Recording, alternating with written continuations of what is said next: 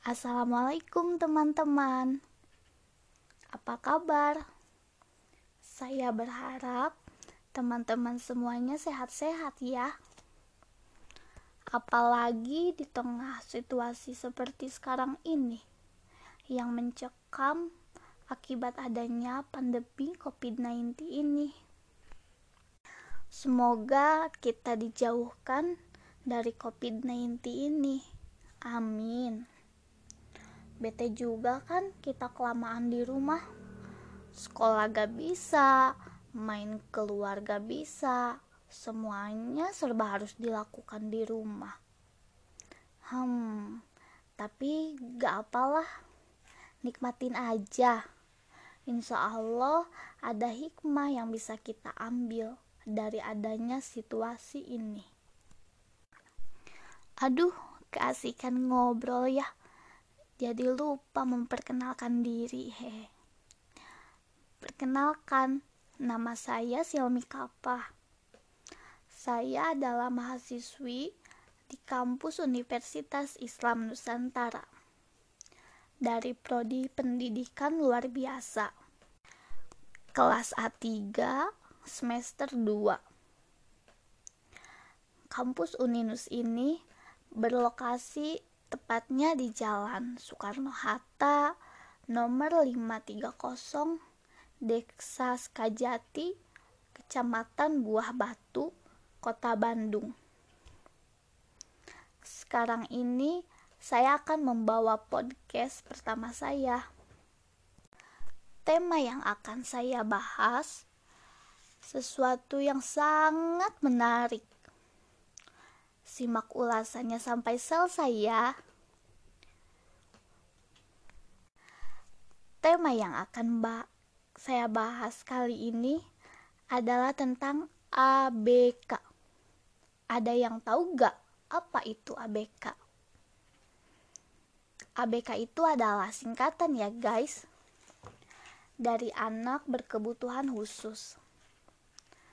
Kenapa sih saya mengambil tema ini? Karena tidak sedikit orang awam yang tidak mengetahui tentang ABK. Mereka hanya mengetahui ABK itu anak yang idiot. Padahal anak berkebutuhan khusus itu sangatlah luas. Untuk lebih detailnya, yuk kita uraikan apa sih pengertian dari ABK itu sendiri. Anak berkebutuhan khusus itu sendiri adalah anak dengan karakteristik khusus yang berbeda dengan anak-anak pada umumnya, tanpa selalu menunjukkan pada ketidakmampuan, emosi, mental, dan fisik. Nah, itulah pengertiannya dari ABK. Sudah ada sedikit gambaran dong tentang ABK. Lalu, apa saja sih yang termasuk dalam ABK? Yang termasuk dalam ABK antara lain yang pertama tunanetra, yang kedua tunarunggu, yang ketiga tunagrahita, yang keempat tunadaksa, yang kelima tuna laras yang keenam giften yang ketujuh autis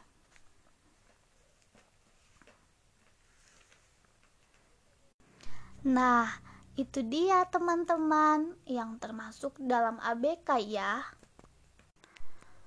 Beberapa kalian pasti masih bingung kan dari beberapa istilah yang tadi saya sebutkan.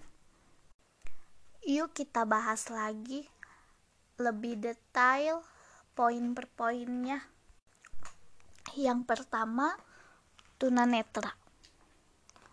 Tunanetra adalah individu yang mempunyai hambatan dalam penglihatan.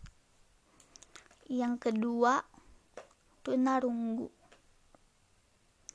Tunarunggu adalah individu yang memiliki hambatan dengan pendengaran. Karena memiliki hambatan dengan pendengaran, individu tunarungu juga mempunyai hambatan dalam berbicara. Jadi, cara berkomunikasi dengan anak tunarungu yaitu dengan bahasa isyarat.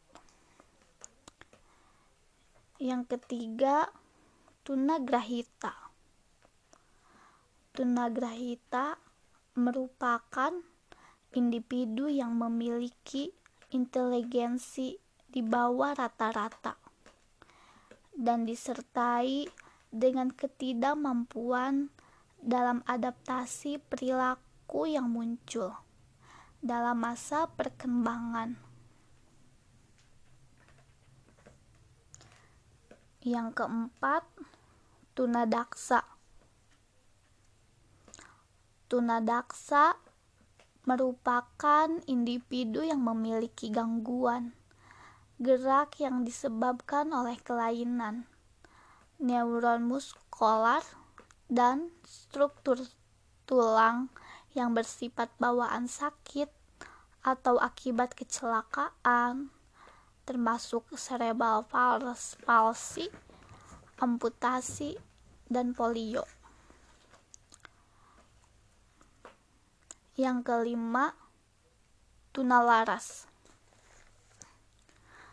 Tunalaras adalah individu yang mengalami hambatan dalam mengendalikan emosi dan kontrol sosial. Individu tunalaras biasanya menunjukkan perilaku menyimpang yang tidak sesuai dengan norma dan aturan yang berlaku di sekitarnya. anak tunalaras tidak jauh berbeda dengan kita. Hanya saja akibat dari gangguan emosi yang dimiliki berpengaruh terhadap segi kognitif, kepribadian, dan sosial anak. Di mana anak kehilangan minat dan konsentrasi belajar. Yang keenam, Gipten. Gipten adalah anak yang memiliki kecerdasan di atas rata-rata.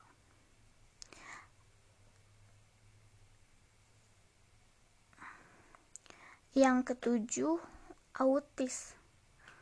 Autis adalah ketiga pekaan terhadap lingkungan, cenderung fokus dengan dunianya sendiri. Nah, itu dia tadi penjelasan singkat yang termasuk dalam anak berkebutuhan khusus. Jadi guys, sekarang kalian sudah tahu kan penggolongan anak berkebutuhan khusus itu sangatlah luas bukan? Bukan hanya satu klasifikasi saja ya. Lalu bagaimana sih kita harus bersikap kepada anak berkebutuhan khusus itu sendiri? Seperti yang kita ketahui, anak berkebutuhan khusus itu jauh berbeda dengan anak pada umumnya mereka mempunyai keistimewaan tersendiri yang tidak dimiliki oleh anak-anak pada umumnya. Sudah seharusnya kita harus bersikap sama seperti pada anak pada umumnya. Lalu, bagaimana pendidikannya? Apakah penting pendidikan untuk anak berkebutuhan khusus? Jawabannya tentu sangat penting karena anak ber berkebutuhan khusus juga membutuhkan pelayanan bahkan pendidikan yang layak seperti anak pada umumnya. Hanya saja entah itu tempat atau sekolah atau proses belajar mengajarnya berbeda dengan anak pada umumnya. Jika anak pada umumnya bersekolah di sekolah reguler, untuk anak berkebutuhan khusus sendiri, penyebutannya disebut dengan SLB atau sekolah luar biasa. Tapi tidak menutupi kemungkinan anak berkebutuhan khusus juga bisa bersekolah di sekolah reguler bersama dengan anak pada umumnya. Dan penyebutan untuk sekolahnya itu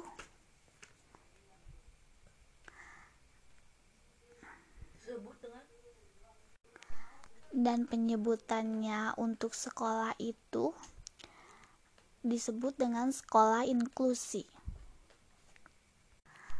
Kalian paham tidak dengan istilah sekolah reguler, sekolah luar biasa, sekolah inklusi?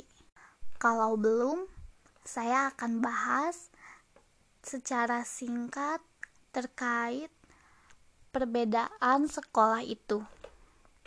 Yang pertama adalah sekolah reguler.